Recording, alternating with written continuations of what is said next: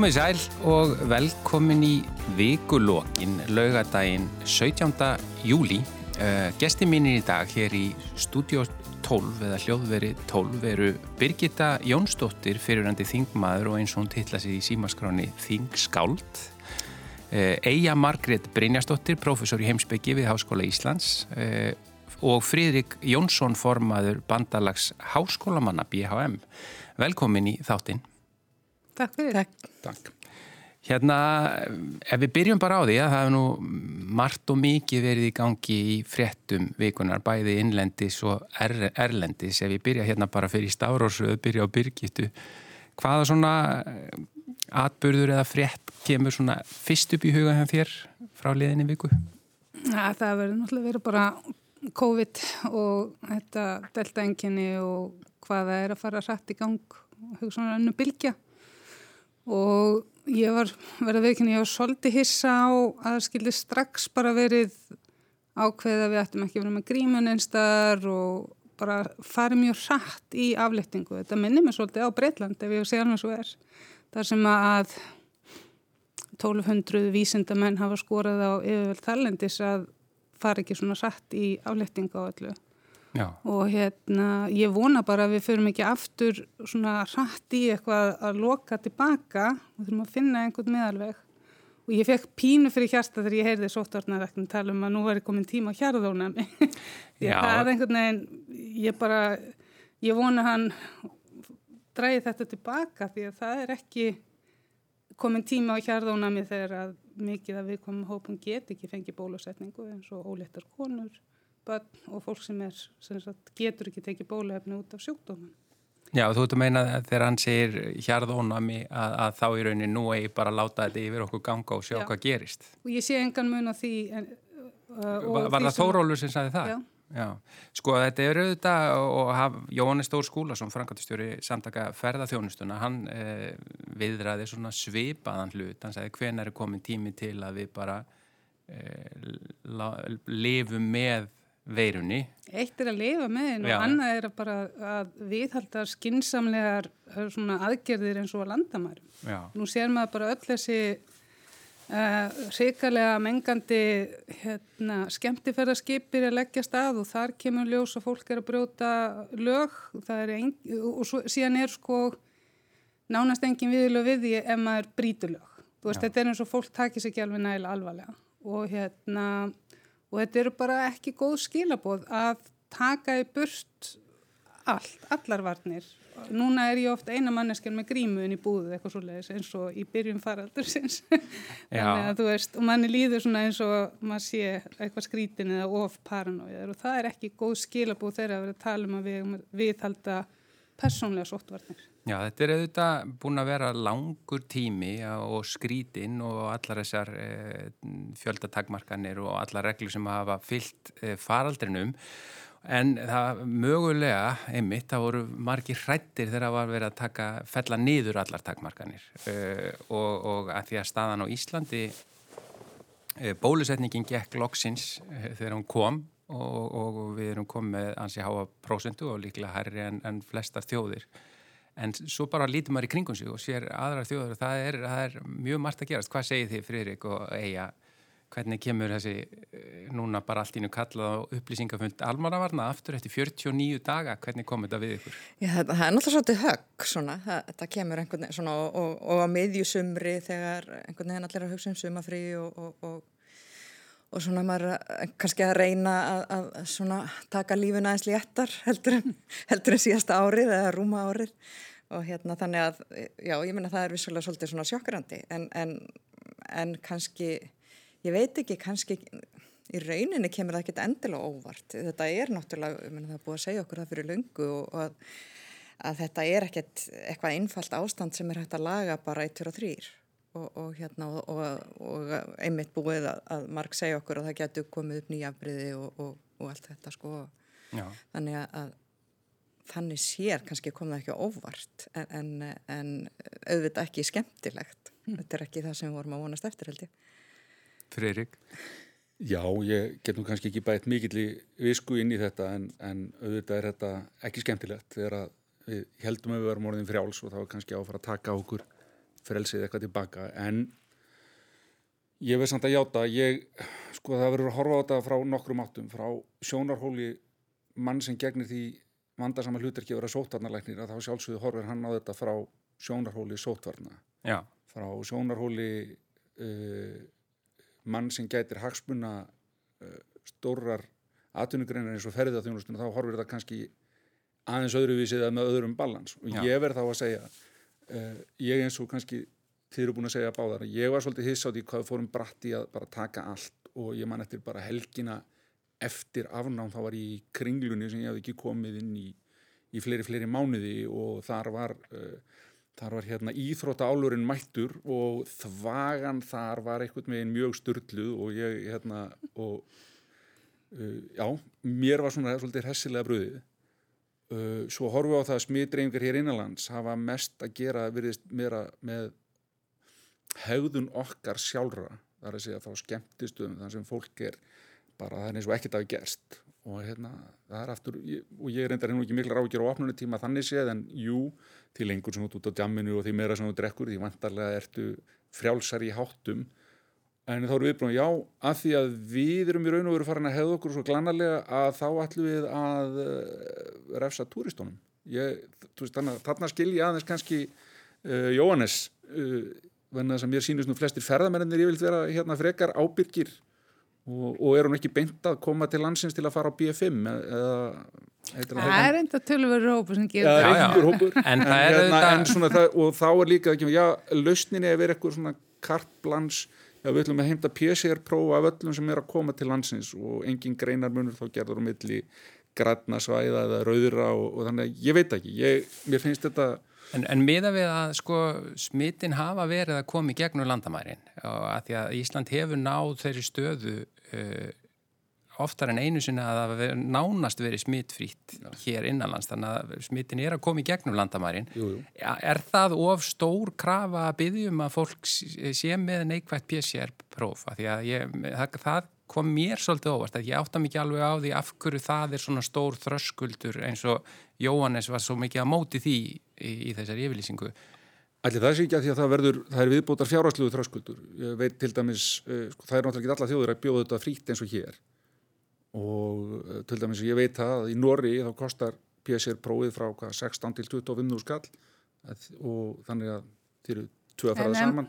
En ef maður er 50 að ferðast sko tímum pláunar Já, Já, þá verður maður náttúrulega að vera er tilbúin til sem þess að- Það er kannski það sem þetta velta fyrir en en enn og aftur að kemur þessu byrtu sem ég sé að fólk hefur verið að spurja byrtu, ég að búið að bólusetta mig búin að fá tvær bólusetningar eh, það er engin á spítala eh, það er búið að verja heilbríðiskerfi hér er eins og við sjáum, hér er 80% eh, 90% yfir 16 ára komu, komu með mér og minna fulla bólusetningu. Þannig að byrju, hvað þarf til til þess að fá þe- að þetta snýst á endanum alltaf um líkur. Þannig að hverjar eru líkurnar? Að þú tónið full bólusettur á því að þú getur smittast þær eru einhverjar, nú sagðan á, á upplýsingafundunum að það veri, þetta veiti 60% vörn. Ok, 60% vörn. Síðan er, e, þá tökum við hinn 40% þú getur samt smittast en líkurnar á því að þú veikist eru þá ennþá minni, Víkir, líkurnar á því verðir, verðir alveglega veikur ennþá minni. Uh, og þá kemur bara þessum svona hvað, hér getur ábyggilega tryggingastærfræðingar hjálpað okkur, skilur þú, hvar ertu komin í faraldrunum þannig að þú ert í raun og veru uh, á sama stað og líkur á bílslissum eða annari flensu? Þannig að þetta er, þetta er síðan spurningin sem sótvarnarleiknir á ekki að svara. Þetta er það sem pólitíkin þarf að svara. Hvar er þessi balanspunktur að það sem segir, heyrðu kostnaðurinn eða ókosturinn við það að fara aftur í harðari, harðari aðgerðir versus uh, áhættan sem er tekin eru við, hvar eru við á þessari. Þe og þetta er, þetta er spurningin sem er og veru ríkistjórnin þar síðan að fjallum þegar hún fær minnisblæði frá Þórólfi sem er tæknilega hérna aðeins sem er ekki löggerningur í sjálfu sér sko. það er bara, það er bara minnisblað frá sérfræðingi. En síðan er það pólitíkin sem ber ábyrðina og þarf að ákvæða að hvað miklu leiti föru við að því sem sótarnarlækni segir og síðan því sem að aðrir önnur sjónarmiði sem eru fullkomlega eðlileg en, en þetta þurfa pólitíkusnar að gera vega, vega þarna á milli. Já, það er ennþá auðvitað líka það mikil óvisa að því það er ekki vita, við erum, að, að því við erum í rauninni, það, það, ef einhver myndi vita allt um þetta, þá erum við í talsveit betri málum og að því svo koma ný afbrið og maður veit ekki nákvæmlega hvaða afleðingar þau hafa og, og á bólusetta og svo óbólusetta en, en já, það, fólk velti fyrir sér uh, að því að það eru svona margir bólusettir og þá væntanlega væri fólk sem að smitast er þið ekki jafn alvarlega veikt. Þá væri þetta mögulega orðið bara eins og venjuleg flensa. Ég veit ekki, er, Mm, mm, mm, mm, er það, þú hristir hausinn? Já, út af því að við, ég hef fylgst með bæði það sem er að gerast í Ísrael sem að þeir teljast vera mest bólusettir, það er fólk að koma mjög alvarlega viktinn sem að hefur verið bólusett, já, eins og þú segir mikil óvisa af hverju taka óþarfa áhættu ég er ekki að tala um harðar lokanir eða neitt slikt, ég er bara að tala um að halda áfram að láta fólk finna fyrir sameinlegri ábyrð á velferð okkar allra með því til dæmis að nota grímur og, og, og svona almenna skinnsemi í samein og rýmum. Já. Síðan vil ég hvetja fólk til að skoða Nýjasjálandi. Ég hef nú búið á Nýjasjálandi og Nýjasjálandi og Íslandi eru nánast eins fyrir utan bara ólíkt fugglalíf og, og gróður. uh, og þau voru með mik mikla færðamannu þjónustu. er þetta meina það samfélagslega líkt? Samfélagslega, já, algjörlega. Fyrir utan að söðuriðan er nú bara eins og hérna, Ísland út í að svo mikið að rollum þar og, og svipa landslag. En sko þau ákvað að fara í harða lokanir og það er engin kreppa hjá þeim, fjárháslega kreppa, því að þau fóru í aðrar aðgerðir en að stóla bara á einn atvinnuveg. Þannig að þú veist, mér þetta er alveg áhugaverti fólk myndi að spera okkur saman í Nýjasóland út af því að þau mjög svipari, voru í mjög svipari stöð. Þau voru til meins með sko ótrúlega mikla hagspunninga hvort Kína uh, og fengu mikið að ferðamönnum og nefendum frá Kína sem dæmi og þannig að þú veist, þetta er ekkit svona svarkvitt, við erum alltaf með okkur við þjóðurnar í kringum okkur sem er ekki í sömu stöðu við að geta lokað sem sagt, uh, eða haft meiri varnir á landamærum. Það hefur náttúrulega aldrei verið lokað á landamærum á Íslandi til dæmis. Já, já. En hvað, Við talandi um þjáumst sko... kannski líka smá lúksusvandamáli. Við erum, að því að þú nefnir að Birgitta, miða við til dæmis aðrar Evróputjóður, þá erum við búin að skauta mjög létt í gegnum þennan faraldur. Mm -hmm. Þráttur þetta sé, ég ætla ekki að gera lítið út úr, úr, úr því að þetta sé búið að vera erfitt og mörguleiti algjörlega óþálandi og mikið álag á, á, á alla takmarkanir eins og heimsóknum pappi er til dæmis á hrafnistu og það allt í henni get ekki heimsótt eins og maður vildi og, og, en í samanbyrði það sem búið annar staðar þá erum við búin að skauta ágætlega vel í gerðum þetta Þetta auðvitað snertir sko... en frústrasjónin er sann svo bara, hún er bara svo mannleg og eðlileg Já, og já. eða, þú getur kannski tekið bet heimsbyggilega vinkilin á það meina, við, við vorum að fara að verða frjáls og, hva, býtu, og við erum búin að gera allt. Þetta er svona svolítið svona, býtu, ég er búin að gera allt ég er búin að taka til í herbygginu mínu ég er búin að veist, fá bólusetningarnar ég, veist, býtu, og allar að, allar að, allar að hætta við nammindaginn Já, og maður getur þá orðið fúll út í mömmu og pappa sem setja reglunar uh, þá, í þessu tilviki þá stjórnvöld Já. en er það rétt? Já, sko, ég, nei, ég meina, eh, og, og það, er, það er náttúrulega eitt af því sem gerist að við bara mjög skiljanlega erum öll mjög frústreruð og, og þó þetta hafi vissulega bitnað, já, náttúrulega bæði misilla eftir, eftir löndum uh, og líka bara hefur þetta bitnað misilla á fólki og með misjöfnum hætti. Og, og hérna, og það er allir þessir ólíku hagsmunir sem tókast á sem eru allir mikilvægir. En og, og kannski svona bara misjant hvaða hagsmunir það eru sem er okkur efst í huga í þessu sambandi eftir í hvernig lífið við lifum og, og, en eh, og, og þá en þá einmitt kemur þessi þörf til að vera reyður við einhvern og það er ekki þetta að vera við getum ekki verið reyð við veiru af því að veiran hugsar ekki. Sjáum mann ekki, Nei, já, við sjáum hann ekki og, og veiran er líka ekki hérna, hún hlustar ekki. hún, hún hlustar ekki, hún hefur ekki vitund, hún, hún, hún er ekki að gera neitt hérna, af ásettu ráði því að hún hefur ekkert ráð í rauninni til þess að e, hún, hún er bara hún bara veira. Hún er bara veira, já og, en, og hvert er við þá að beina reyðinni og, og, og öllu því? Þá, og, og þá einmitt, getur það bitnað á á aðilum sem eru ábyggilega bara að reyna að gera sitt besta og, en, en sem, að, sem að er bara svo opbáslega erfitt að finna út í þessu ástandi. Hvað er það besta eða skásta í stöðunni, það er í rauninni, það er engin góðlaust og, og, og sama hvað er gert þá eru, þá finnst einhverjum að þeirra hagsmunni sé ekki e, virtir og þannig að það þarf einhvern veginn að finna finna út hvað er skásta leiðin fyrir sem flesta eða, eða hvaða og finna út hvaða hagsmunir séu mikilvægar en aðrir en samtidig er allir mikilvægir og þetta er bara þetta er bara ekkit auðvelt ástand og mjög erfitt að, að fyrir bara alla stefnumótun og, og, og fyrir utan það náttúrulega að upplýsingaskortin að, að þetta er ný veira og það veit engin engin sem veit í rauninni hvað hvernig ástandi verður eftir nokkra mánuði eða, eða hvað sko Já, nú ég minna eins og ástandi núna þessi pressa í e, Breitlandi þegar e, vísinda fólk er að pressa á breststjórnvöld að aflétta ekki sem að á að, að ætti sangat plana að vera núna á mánudagin bara e, að þetta opna fyrir allt. Frelsistagurinn. Frelsistagurinn mikli og þar er þetta auðvitað bara á svipaðanhátt að, að breska þjóðun hefur verið að býða og býða og býða og þú veist auðvitað einhverjir svektir en, en, en það þarf að já, þetta er rosalega flókið mál því að maður myndir nú halda að allir væri að gera sitt besta en það sem er merkilegt er að vísindafólk, eh, heilbriðiskerfið, allt saman eh, sem er til þess mentað og, og er best í stakk búið til þess að taka eða skoða þetta í raunverulega hvað allt þýðir.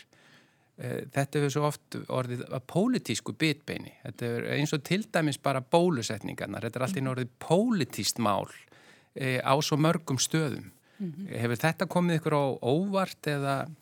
Nei, þetta minnir mig bara mikið á sko umhverfismálinn. Mm. Þú veist, núna lóksins er það þannig að það er að fjallum umhverfismál að þess að fá einhvern með í setti sem að segir að vísindin séu bull. Mm. Þú veist, þannig að ég vona, og sem betur fyrir hefur það ekki verið þannig að þú færð í settið þegar þú ert að fjallum bólusetningar einhvern sem að uh, er á móti bólusetningum veist, en, og sama ættu, og það er alltaf verið að tala einhvern veginn um að, að frettir þurfa að vera sko, með, með ekki verið hlutlegar þannig að, að uh, en, en eins og Joe Biden sagði ekki er að samfélagsmiðlarnir drepa fólk út af því að samfélagsmiðlarnir verðast ekki vilja, drekkið er get ekki, þeir vilja ekki uh, sagt, vera með forvirkar aðgerðir til þess að tryggja að, að, að svona sko bull sem að færa grassera far ekki einmitt um eins og einhver vírus. Uh, og bara ég hef hitt svo marga sem að ég ber virðingu fyrir sem að einhvern veginn eru komnir onni í þessa kannínuhólu þar sem að einhvern veginn þú færð á samfélagsmiðlum eins og YouTube og svona um, þú færði alltaf svona ábendingar um eitthvað sem að færði til að vera lengur og þetta snýst allt um að við höfum að vera lengi á staðinu þannig að að íta fleiri auglýsingum að þeirri að ná í meiri upplýsingar um þig persónlega. Það hefur líklega aldrei verið auðveldar að falla onni í þessa kaninu hólu samsæriskenninga. Já, ég farið onni í þessar hólur, ég skoði þetta og ég menna þú veist, ég finn þegar að, að það er tíma til að fara upp úr til þess að fá ekki veiruna í, í heilan. Og, og nóti benni, ég er ekki gaggrinni laus á uh, alls konar samfélag og þá líka við vísendamenn og alls konar, þú veist, það er ekki það, ekkert er þannig að það get ekki verið að koma upp einhverja villur. En þá þarf maður að skoða hvert er hvert er markmiði með því að afvegaliða fólk eða að gera saglus mistök, þú veist, það er bara stór hlut, sko, mismunni þar. Já. þannig að hérna En þetta með eins og bólusetningarnar að því að það hefur komið mér aftur og aftur og óvart að fólk jafnvel, ef maður hugsar í svona einfaldleika að þetta sé fólk eitthvað annar staðar sem sé bara eitthvað eh, hérna, að því það er ekki samal á mér, þetta er svona típist í, í polariseringunni að, að, að þetta sé bara ekki nógu vel gefið fólk. En svo bara á ég fullt af vinnum, að, að fólk sem ég þekki vel sem er bara vel menta sem er allt í hennu á allt öðru meiði en ég í þessu og svo bara allt í þetta fólk voruð að trampustum það er það sem hefur skrítnast mm. Já, e e eða hvort að við eða hvort að við kannski erum það koma okkur hluti saman í pakka einhvern, eða sé búið að setja á saman í pakka Já, stundum erum við líka kannski fljóta stimplaðu innan gerðslega trampista þó þau séu ef þau eru með einhvern segja það, segja ég er já, það er bara, þú veist fólk segir bara, þú veist hérna og það horfður fram hjá öllum vafasumum uh, allir vafasamri hátt sem er þess að tiltekna manns til dæmis. Já, já, sem eru auðvitað bara sér kapituli út af fyrir sig. en á, allt í lagi, COVID, við erum svona, uh, það, það er komin smá hrollur í okkur. Vi, við erum ekki alveg jafn spennt og glöð með hvert allt er að þróast en vonandi fer þetta nú ekki á vestaveg, vonandi erum við ekki að fá aðra bilgi svona og, og allt loki aftur. En eiga, Margret, ég komin að þér núna, uh, Birgit að með COVID. Hva, hvað svona stendur upp úr í vikunni?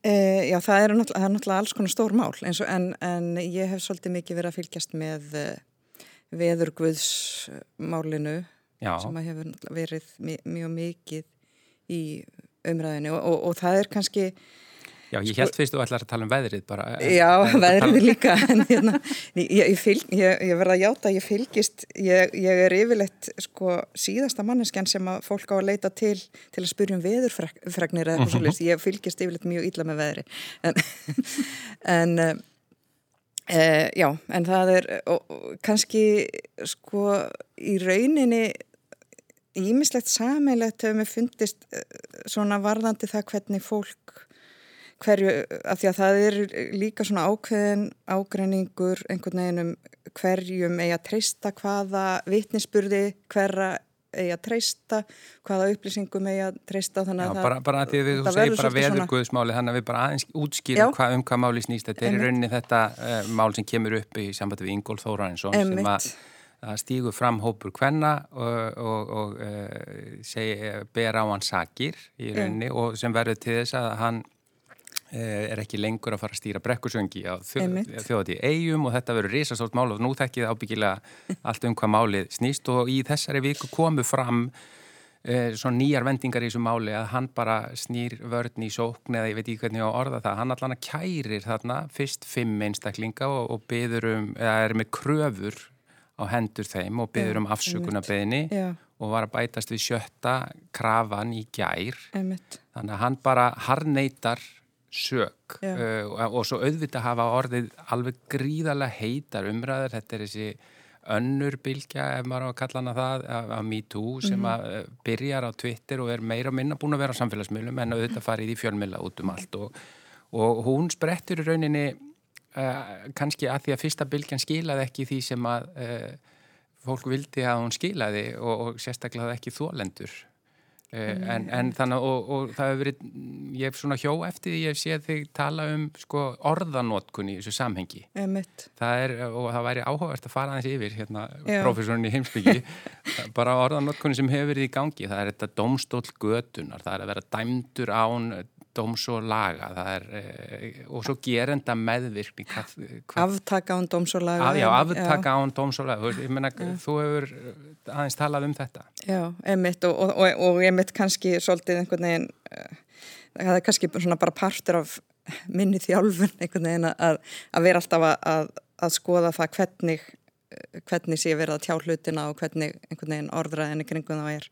Og, og, og ég held að það geti í rauninni, sko, ég held að það skemmi mjög mikið fyrr, ég menna þetta eru náttúrulega greinilega hlutir sem að þarfa að, að ræða taka samtali um og, við erum eh, alls ekki, sko, einhvern veginn, við höfum engar góðar lausnir á reyðum höndum hvað á að gera í svona málum þegar hérna hvern, til dæmis ef einhver, ef einhver kannski játar á sig að, að kynferðisbrot eða hvað, hvernig viljum við taka á því á hann að eiga einhver tíman aftur kvæmt í, sitt starf eða hva, hvar viljum við draga línutnar og allt það og, og, og hvernig viðbröð viljum við fá, hvað viljum við að það sé gert. Og þetta er í rauninni svona, allt svona hluti sem að er mjög svona umræðan um þá er mjög óþroskuð held ég bara því að við einhvern veginn við kunnum þetta ekki.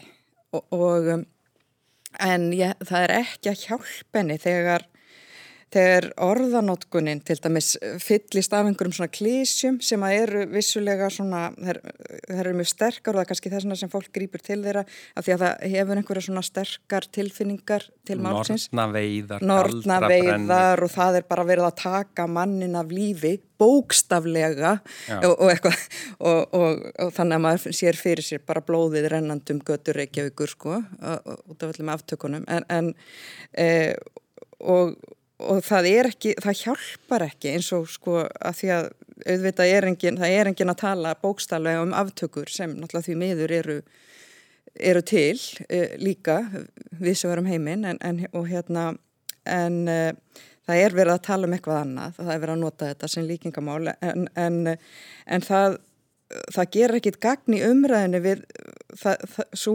umræða sem við þurfum á að halda á ekkert að snúast um það hvort það sé rétt að taka mann af lífi fyrir uh, kynferðisbrót til dæmis. Ég, menna, ég gerir ráð fyrir að við langt flest hér á landi viljum ekkert láta taka nýtt af lífi og, og, og það, sé, það er ekki það sem máli snýst um. Máli snýst kannski um að hann missi einhver atvinnutækifæri eða, eða að, að hann sé ekki velkomin á einhverjum ofinbjörnum vettvangi og, og það er í rauninni þá það sem við þurfum að vera að ræða. Er, finnst okkur það rétt að að það er að bræðast þannig við og und, á hvaða forsendum, undir hvaða kringumstæðum og svo framvegis. Já, þetta er nefnilega, þetta er svo að því við erum svo óþroskuð í rauninni í þessari samræði, þannig að orðanótkurinn getur skekt hana. Já, og, og þannig að það er í rauninni farið að bara á svona einhvern veginn fókusin verður á eitthvað allt annað en það sem að er í rauninni að gerast.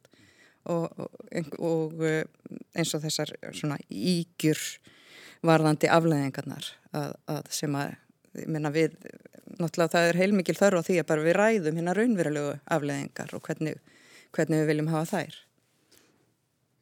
Já, ég kannski rétt að taka það fram að, að hérna, engin af þessum ágætu konum uh, sem að ég persónulega tel vera miklar hetjur að vera tilbúin að stiga fram nefndu mannin á nafn. Mm. Já, já, það er alveg... Hann hins vegar greinilega tók þetta til sín og aðrir komið fram með, svo, já það er greinilega verið að tala um þennan mann. Uh, og ég vil bara segja hérna allra fyrst það að konur sérstaklega þólendur almennt séu meira og meira að þóra stiga fram og segja frá því sem fyrir þær og þau hefur komið finnst mér jákvæmt það er bara þið besta mál. Og þá bara bæti ég því við að þetta, þetta unga fólk í dag hvernig það er orðið tilbúið til þess að ræða hluti sem voru tabú þegar að ég var á þeirra aldrei eða yngri finnst mér algjörlega magnað. Hvað er þetta að tala um kynfyrirsofbeldi, einelti, eh, geðran vandamál, eh, kvíða, þunglindi og bara taka þetta allt út á torg og ræða þetta. Ég bara, ég dáist að þeim ég vildi að ég hef geta gert þetta og hérna og bara já, ég er uppfullur aðdáðanar hins vegar það kemur síðan að sér orðanótkum e, domstól götunar og saklaust þetta er segt sannast og, og, og þetta dót. Ég held að það sé líka ágætt að hafa í huga líka því að hérna eru farin að stað einhver meðirðamál það eru núansar. Það er eitt að uh, sko fullir það og annað að hafa skoðun. Uh, ef ég fullir því að að hérna uh, maður X sé astni og ég get ekki sé, hann er það, þá er ég að fullir það. Mm. það er vantalega þá grunnur að meðirðum að ég get ekki bakað upp með gögnum. En ef ég hef þá skoðun einhver maður sé astni þá er það vantalega fellur það ekki undir meðirinn, heldur fellur undir málfrælsi er það ekki? Þannig að við þurfum kannski að skoða þessa orðanótkun líka. En í og, og síðan er það, við erum ábyggla öll hér inni eh, segum lögbrot að einhverju marki en bara náðumst aldrei. Þegar við lögumst til að kera á 55 miklubröðinni þá eru við að brjóta lögin. En það traðamyndaðilin tók ekki á okkur mynd og við erum þá hvað, eru við saklus við fengum ekki segt en eru við saklus Nei, veit ekki. Og svo við kemur síðan að kynferðisbrota málum og svoleiðis og við bara vitum hverjar tölunar eru.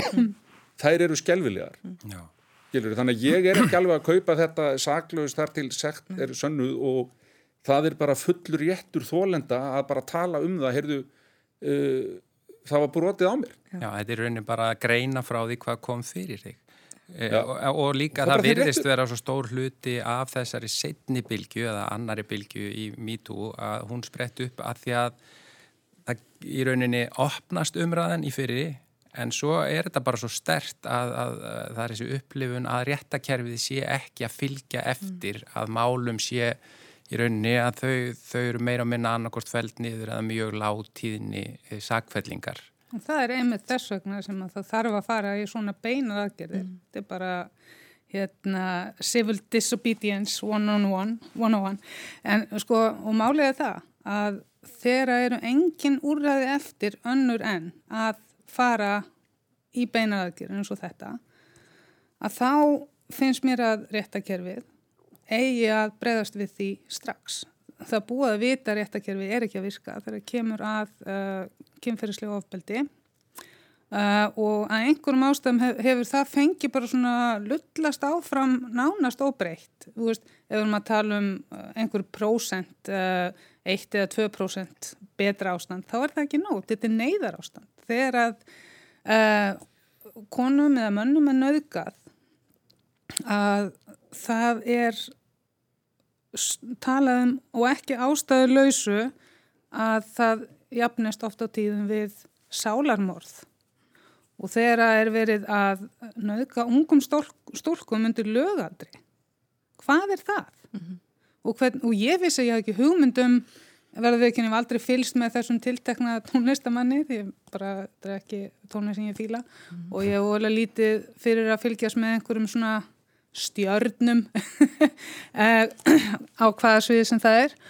Og þegar ég fór að lesa um hvað þetta búið að meðvutundin um að hann eh, hafi átt að leita í ungar stúlkur á grunnskólaaldri hvað það er búið að fá að vera lengi án þess að mm. sé eitthvað gert í því Emmeit.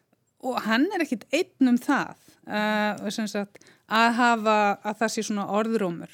Ég menna ég mann þegar ég var í grunnskóla í hverjarði, það var kennari sem var að leita á stelpunar, ég reyndi að gera eitthvað í því, veist, þegar ég var 14 ára og ég fekk bara bátt fyrir, þú veist, ég fór í alls svona aðgerðir og hérna... Þetta var, ég menna bara í gamla daga innan gæsalfa, það var bara að passaði á honum þessum, hann er... Já, og svo sko ef maður reyndi að gera eitthvað, tala við skólastjóra eða eitthvað slíkt, þú veist, þá hérna var það, og það er ennþá þannig, hugsið ykkur, þú veist Já. en þá þannig 40 árun síðar að þú sem þólandi þarfst að vega og meta hvort að einhver trúið er mm -hmm. þarfst að vega og meta hvort að uh, þú sést tilbúin til þess að lenda í kjáftasögun mútið að þú veist við skulum bara átt okkur á því hvernig það er út á landi er að pínlítið samfélag? Ætlar þú að vera manneskinn sem rýs upp og segir að þú veist vinsalasti þú veist uh, strákurinn í þorpinu sé hugsanlega nöðgari Þessu undirskriftasöfnun á mótið er kannski? Já, nákvæmlega Já. Þannig að þú veist, ég bara mjög hlind beinum aðgjörna þegar kerfin er ekki að virka og bara skora fólk, á fólk almennt séð ef það upplifir að kerfið er ekki að hlusta á það að finna sér farveg til þess að finna aðra að brjóta sagt, til þess að brjóta upp umræðuna og þrýsta á aðgjörð því að núna, ok, við erum komin hinga að þú veist málaferðli hinga og þangað en missum ekki sjónur af því sem að er aðal ástæðan fyrir þetta að gerast Já. og það er út af því að kerfið er ekki að virka og því ætti fólk að skora á núverandi ráðamenn að fyrir kostningar að koma með alvöru og bara ná að semja um það fyrirfram. Ég vil bara sjá að þessi saman um það fyrirfram óhað því hverju er stjórn að það verið farið aðgerið strax. Þú segi. En, en svo er líka annað sko varðandi þetta með dómskerfið og réttarkerfið að það virki ekki nú að velja þessum málum og það er, það er annað sem að kannski bætist við einmitt í þessum svona kynfyrirsofbeldismálum að, að og ég tala nú ekki um kannski ef þetta eru sko börnu úlingar eða og, og, og sem verða fyrir því að partur af ofbeldinu snýst gjarnan um að, að telja þólandanum trúum að hann beri sökina mm -hmm. og, og að þannig að þeim sko hugkvæmist ekki einu sinni að kæra. Þannig að það er ekki bara að það, það, það snýst ekki bara um hvernig dómskerfið eh, tekur á málum, heldur líka það að, að ofbeldið félur oft í sig svo mikið niðurbrott á þólandanum að þólandin bara eh, er sko skammast sín svo mikið og, Sittur uppi með skammina Já mm. og bara og lætur það ekki, kannski ekki eins og hverja að sér að fara út í að kæra því að þá myndi allir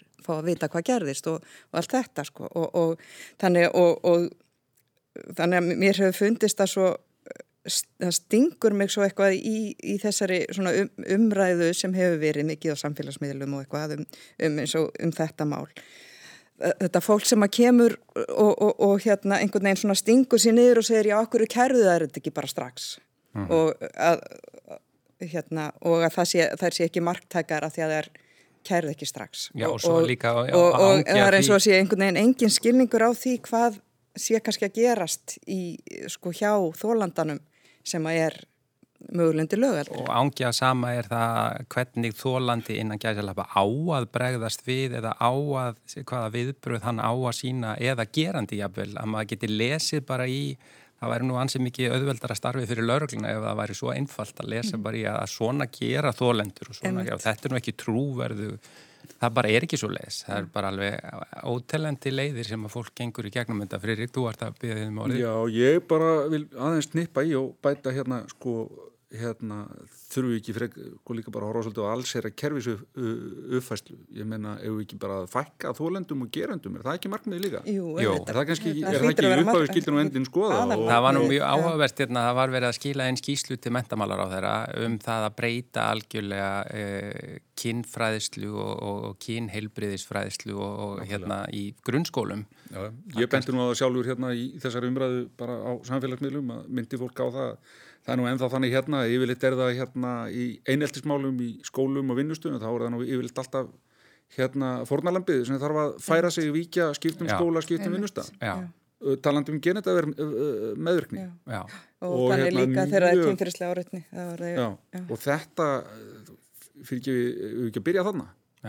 Ef við ekki líka ebla þá einmitt fræðsluna um mörg maður heyrir nú svona kalla kalla veist koma hérna, það má ekkert lengur, nei en byrju, það bara mátt aldrei skilur, mm. það eru mörg þú ætti að virða þú vilt láta virða þitt frelsi sem einstaklings, þú vilt líka virða frelsi annara og frelsi annara til þess að setja mörg uh, gagvart sér sjálfum Þú ætti að vera viðbúin að fá allavega mótgjöf við því að Já, þess vegna er þetta, sko, nú kynntist ég því sko, hafandi búið vel og lengi elendis og, og til dæmis uh, þegar ég bjó í Kaupmannöfn og var með uh, strákana mína þar í alþjóðskólanum þar var mjög einföld stefna hvað var það í einelti að eineltis segjirnir eru vandamálið og það voru þau sem áttu að hætta að vera reygin úr skólanum.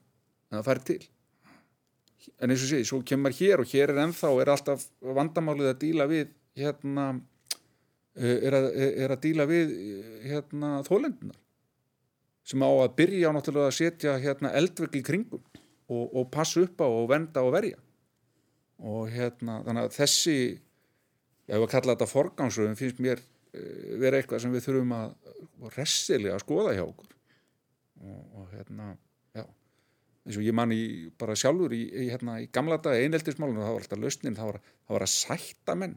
Þannig að hérna Já, komið hérna og takist já, í hendur. Já, komið nú og takist í hendur og svo næsta sem gerðist að maður dreyin yfir húsvegn og lamin fyrir að hafa hérna kæfta frá, hafa kæfta frá skilur við frábær löst þarna er ég, já, eins og segi, líka... dómskerfið og allt það er eitt en ég menna ef við ekki bara byrja á grunni vandamál sem það bara, sumt fólk kann ekki að heða sér og, og, og, og hérna. En það er ekki þess að segja það sem ekki hægt að gera bæði. Ég segi það, þess vegna tala um bara alls ja, ja. við þurfum alls er að kerfis uh, uppfæsliðis og þess vegna segi ég enn og aftur þetta ágæta fólk og sérstaklega þessar hetjur sem er að koma fram og bara segja frá, herðu þið eruð æði og hérna bara, já ég bara, ég, ég dáist að og við, við sem samfélag erum kannski að því að í rauninni það sem hefur átt sér stað núna undarfærið það er í rauninni að þögnin er rofin við bara mm. kunnum ekki alveg að takast á við það því að það mm. flækir svo margt það eru tilfinningatengsl við þólendur við, gerendur við og, og það blandast inn í allt og þá verður allt svo flókið. Á sjálfsmyndina en, við, erum, við teljum okkur náttúrulega að vera æðislega sko, svona þegar eitthvað, eitthvað slettist á sjálfsmyndina hjá okkur að við séum svo frábæri og við erum kannski ekki alveg svona frábæri. Já. Þá kannski bregðustu svolítið illa við því. En mér er slikað svo mikilvæg sko, eins og ég var að segja að hver er viðurlegin? Þú veist, við erum og, og við erum alls ekki eina landið eða eina samfélagi sem að er að glýma við nákvæmlega þessa siðferðslu spurningu út í að ef að dómar eru fyndir, ef að er ekkert, eh, eða sem sagt ekki dómar fyndir heldur sem sagt tímin er, og það er bara ekki hægt að kæra en mjög margir koma fram, þú veist, með uh, vittnisspurðum tiltekna hérna, hegðun hvað gerir maður þá? Og líka þú veist hvað þetta tímbali vera lengi? Á það að vera lengur en til mig að það verið dæmdur í fangilsi þú veist uh, og er einhvern tíman hægt að fá mannorð aftur? Er hægt, hver er betruninn þú veist og, og allt það? Og nú erum við til mig með fangilsiskerfi sem að hefur eitthvað farið ofangarð uh, fyrir ofangarð en neðan að að hérna, ég hérna, sko- allavega þá er það þannig að betrunarkerfið sem á að vera til staðar er ekki til staðar út af því að kerfin til dæmis tala ekki saman. Út af því að þegar þú kemur út af fangesi hvað þá, uh, hvað tekur við? Uh, og ég hef reykjum að það allstæðar sem ég hef skoðað misbresti í uh, kerfum að það verður svo einfalt að laga það. Og það kostar ekki mikið, það kostar aftur um þetta rosalega mikið ef það er ekkert gert í þessum málum. Og þess vegna er það þannig að núna þegar fullt af fólki sagt, auðvitað, það getur líka verið hættulegt ef að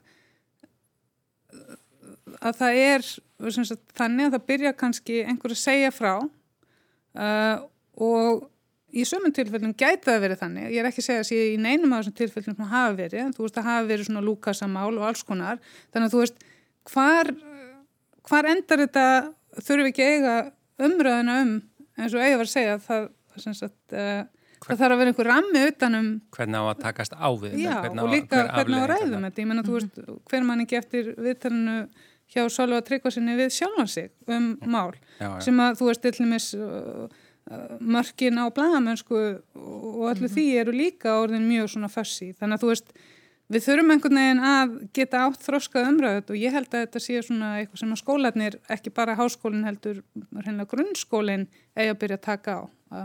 að að að, Já. Ég held að við að gera sko, það er, er náttúrulega undirliggjandi þarna eins og, eins og til dæmis í, í hérna, öllum kynferðisofbeldismálunum og svona það er svona skortur og virðingu bara fyrir konum og stelpum og, og hérna sem að hlýtur að þurfa að taka á bara að vinna með bara mjög snemma að bara það þarf að ala börnin eitthvað öðruvísu Sko stóra sjokkið er fyrir mig sem kallmann er bara eftir að allt og dæmi ekki það að maður hafði auðvitað vitað en ég vissi ekki hversu opboslega stórt það var hvað, bara nánast allar konur sem ég þekki hafa sögu. Einmitt. sem að hafa lendi og svo enn starra sjokk var að heyra, hérna nú sá ég bara nýlega settan fram lista um hundrað aðferðir sem konur nota til þess að reyna að komast undan því að lendi í ofbeldi og, bara, og þetta er bara dagstaglegar aðferðir, það er bara hérna þetta að klæða sig ekki of ekkjandi eða hvað sem er eða segja ekki þetta eða að, að líta undan og fara hinum einn og, og, og þetta er svona, þetta er held í reynslu heimur sem að við kallar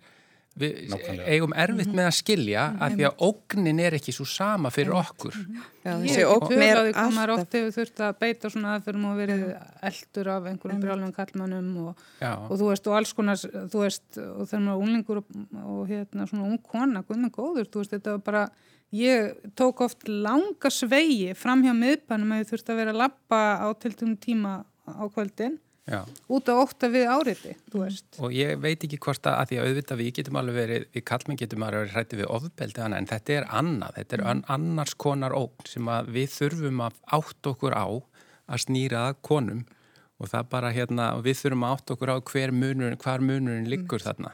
Já, þetta er einhver svona ógn sem að hún er alltaf til stað, bara frá því að, ég veit ekki, frá því að hún er litla stelpur, sko, að, að, að jafnvel konur sem að sleppa við að lenda í einhverju hræðilegu ofbeldi, að, bara hjá öllum konum er þessi, þá er ógnin við, bara partur af lífinu, bæði óg, óg, já, náttúrulega ógnin af árásum, kynfyrirsofbeldi og, og, og svo líka náttúrulega allt þetta svona leiðindabögg, þetta svona einhver kynfyrirslega áreitni og eitthvað svona smærra sem að er ofbóstlega svona líjandi að eitthvað þurfa að vera að díla við. Og, Svo- og þetta hangir alltaf einhvern veginn yfir, svo yfir einhvern þetta Já. er svo svo veldi ég fyrir mér það sem að maður hefur heyrt af og til og ég vel- veldi líka fyrir mér hvort að, að karlmenn hafi stundum mist þetta út úr sér og það virðist vera að, og sem ég held að sé svolítið stór hluti í þessu þegar kemur í ljós þetta viðþorf að kallmönnum finnst þeir eiga skilið að fá eitthvað þá kynlíf eða eitthvað slíkt að innan sambanda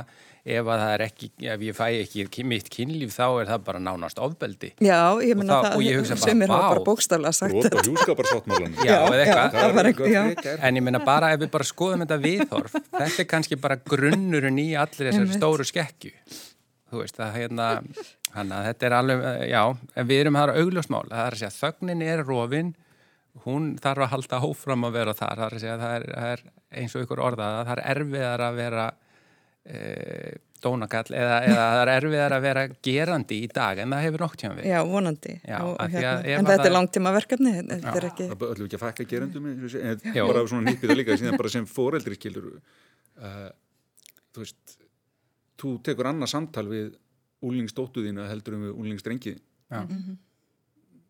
ég vil nú vona það að ég hef átt samtal við bæði dó, dótturina og, og, og, og, og sinina um það að vera fyrst og fremst ábyrgir uh, hérna, þjóðfélagstegnar og svo framvegis og koma fram við aðra uh, hérna almennilega og held að það nú bara tekist mjög vel og þó ég segi sjálf frá. En, en það var annað samtal sem ég átti við, átti við, við, við, við dóttur mína heldur en við strákana einmitt út af hvað þetta var þar Já, og bara beinlínis að, að, að ræða það sérstaklega að virða sjálfa sig og, og setja mörg og standa á þeim og vera ekki feimin eða hrættið það skilur Og ég kasta líka bara, þetta er kannski hérna, skrítið kasta á, á kynbræðu mína að hérna, hvort að þeim finnist einhver tíman einhver annar eigi rétt á því að koma inn í líkamann þeirra, hvort sem þeir vilja eða ekki. Það er bara hérna, ég efast um að öll þessi mála ef þeim er snúi við held ég að þessi ætti að skoða þau uh, á mun heilbreyðari hátt. En hérna, þetta fór svolítið langur tími í þetta, þannig að við erum... það er stór svona- mál Já, þannig að við erum rétt að koma þér hérna Friðrik, uh, formaður BHM og, og aðeins skoðum hérna stýtting vinnuvíkunar. já, Nú er bara verið að fjalla um hvort að í rauninni hver, hver eru afleðingarna, hver eru áhrifin uh, og það hafa verið frettir í erlendum fjölmjölum, það sem hafa verið talað um að, að þetta séu bara stórkostlegar áhrif og þetta séu að gera svo gott og hvað segir þú? Ég tek náttúrulega undir það að velhefnu frangan stýtting vinnuvíkunar er bara af hennu góða. Það sem að er e, það sem þarf að hafa í huga í öllum svona breytingum er náttúrulega að, að framkvæmdin skiptir verulegu máli, hvernig tekst til við, til við framkvæmdina. En það sem við erum að sjá í, í rannsóknum sem eru gerðar að, að þetta er að skila sér í aukinni, aukinni framlegð sem er nú eitthvað sem að atvinnlífið hefur sérstaklega áhuga á en líka er skila sér í aukinni starfsánæju, uh, minni kulnun og svo framvegist. Þannig að það eru uh, það er fullt af jákvæðum uh, þáttum við stýtningu vinnuvíkunar. Er þetta endilega auðvelt í framkvæmdini? Nei, eru áskoran í því tengt auðvitað og hérna, það er bara verkefni til þess að glíma við en uh, á, á, á jafnvæginu þá er þetta, þetta jákvæð. Það hafið nú huga eitt uh, lögin núna um lengt vinnuvikunar eru frá því í 1972 þannig að þau verða nú 50 á næsta ári uh, þannig að fyrsta leið er ekkit náttúrulögmál það það er ekki það er ekki guðgefin viska að, að 40 tíma vinnuvika sé eitthvað sem er náttúrulegt og best höfum það líka í huga í gegnum aldirnar hefur hafa nú fulltrúar yfirlt atvinnulífs og jáfnvel kirkjunar staði gegn mörgum svona breytingum e, í átt til bóta á, vinnumarkaði fyrir, fyrir, e, fyrir starfsmenn e, og, og jáfnvel talið það geti leitt til hennar verstu óvaldar ef að fólk væri nú allt í einu ekki, þyrfti ekki lengur að mæti vinnun á sundum eða lögatum. Þannig að e, það er við því að búast að það sé einhver anspilna. E, stytting vinnuvíkunar e, er fyrsta lagi verkefni sem er að skila e, já, jákvæðinniðustöðum e, eins og ég nefndi hérna áðan en áskoranir eru samt sem áður fyrir hendi og við þurfum bara að eiga við þær. Það er ákveðin áskorun við stýtningu vinnuvíkunar núna þegar þetta er samtitt í kjara samningum og þá förum við inn í, í fljóðláður eftir förum við inn í heimsfaraldur sem hefur náttúrulega áhrif á framkvæmdina. Það hefur áhrif á stýtningu vinnuvíkunar kannski var væntingastjórnunin svolítið skrítin. Uh, það sem að var að fyrirsögnum var það að við vorum að fara í fjögra tíma stýtningu vinnuvíkunar og nei, þetta var ekki fjóra tíma stýtning, þetta var í raun og veru 65 minúna stýtning en síðan með tilfröslum og söl og kaff og matartímum þá gastu náð upp í fjóra tíma uh, sem aftur síðan hafði áhrif á kannski skerðingu á sveigjanleika á vinnustaf og annað. Þannig að, þannig að við erum að eiga við ákveðna svona fæðingar og framkvæmda örðuleika eða sem eiga eftir að lagast. Og svona stór kerfisbreyting, hún tekur tíma. Uh, það er líka að gerðu við okkur grein fyrir uh, kostnæðalhutanum, það er annað eins og ég sem skrifstofukall. Það er kannski auðveldra fyrir mig aðeins að endurskipilegja vinnu tíman hjá mér heldur en hjá mannesku sem er að sinna já, notenda þjónustu gagvart fölluðum mm. þar sem að þarf bara 24-7 þjónustu já, ég, meni, ég veldi oft fyrir mér hvort þetta bara eigi við í öllu starfi eru, ég held að, að stýtting vinnuvíkunar eigi við í öllum störfum já. en það er og, og bara, já, ég held ekki, ég bara er samfarið um að hún á allstarfi við vegna þess að, en hins að kemur það með svona kerfisbreytingu, það fylgir ákveði álag, það fylgir á, augljóslega ákveðin kostnaður en þetta er bara frankandræðri við þurfum að horfa það líka að álega á fólk er mismunandi, sjáum bara áhrifin strax í helbriðisjónstru á mikiðið mitt að að, og hérna kemur kannski tengingin í þessu öllu saman sem eru, sem eru áhrif sérstaklega á konur. Að, að áhrif til dæmis í helbriðistöndum sem konur hafa verið áður í það sem að kalla 80% vinnuhlutfall en í tengslu við stýtningu vinnuvíkunar þá er alltaf fara að veta þetta 80% vinnuhlutfall, ja, það er í raun og veru og það var alltaf 100% mm. en skiluru þær völdu og þá segir er að þetta er þetta er völd að vera í 80% þetta er álægiði vinnunni og kröfunar sem eru gerað til þín til hugvits, andlega og síðan líkamlega eru þess eðlis að það var alltaf of til mikils ætlast tala nú sem ekki um hvernig launasetningin er mm. að, eða var og er að ætlast til þess að þú gætir verið að sinna svona störfum í því sem við metum sem 100% þar að segja 40 tíma vinnuvíku og þetta eru áskoranir bara í 2001. aldar áskoranir á vinnumarkaði. Bara, hvernig eru við að mæla og meta störf? Er hérna veist, tengslinn á milli vinnutímans og verðmætasköpuna, hún er óljós. Þetta er ekki svona uh, stærðfræðileg nákvæmni á bakvið og þetta þurfum við að horfa og skoða allt betur núna í, í, í nánustu framtíð Já, mm -hmm. nú ég meina og hvað þarf, hvað þarf langan tíma til þess að átta sig að þið virkilega eh, hvernig þessi breyting uh, hefur virkað. Ég menna nú til dæmis saði Bjarni Benditsson að ef að kostnæðurinn er því of mikill, hann reynda tiltók held ég ekki eftir hvað langan tíma, þá er þetta bara endur skoðað.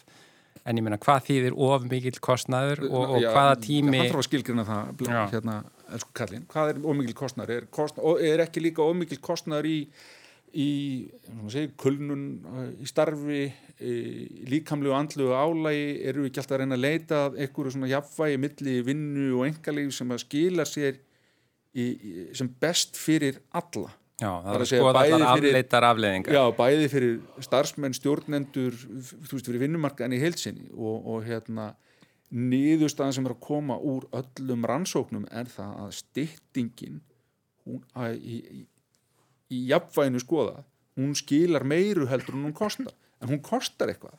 Uh mhm. -huh. en, en hvað eru að fá í staðin og, og hverju hvaða ábata er, það, ábata er það að skila fyrir okkur í heldinni og sönnunarkögnin segja okkur að hérna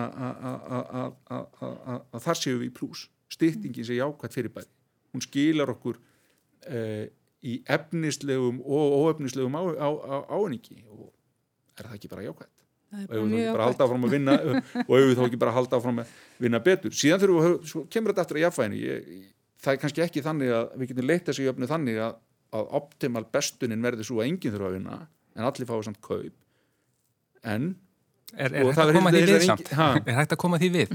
Ég, já, ég, kannski einhvern tíma í framtíðin þá náu, náu að þann stað, við erum, við erum ekki komið þangað ennþá, en, en ég held að við erum alveg búin að sína fram á að, að, að 40 tíma vinnuvika skilgreind, hún er ekkit bestum mm -hmm. í þessu samingi og hérna og, og bara praktisk fyrir verksmiður á sínum tíma já, já ég meina en, en, en, en kannski líka og ég kannski nýpa því að mín, mín prívat og persónlega sko segi ég alveg blákalt að eitt af ágöllunum í framkvæmdunum stýttin vinnuvíkuna núna er það að við erum ekki búin að fylgja nettir með breytingum á lögum. Mm. samkvæmt lögum er vinnuvíkan ennþá 40 tímar en við erum búin að setja inn í kjærasamning og hún sé 30, niður í 36 tíma með alls konar skrítnum æfingum.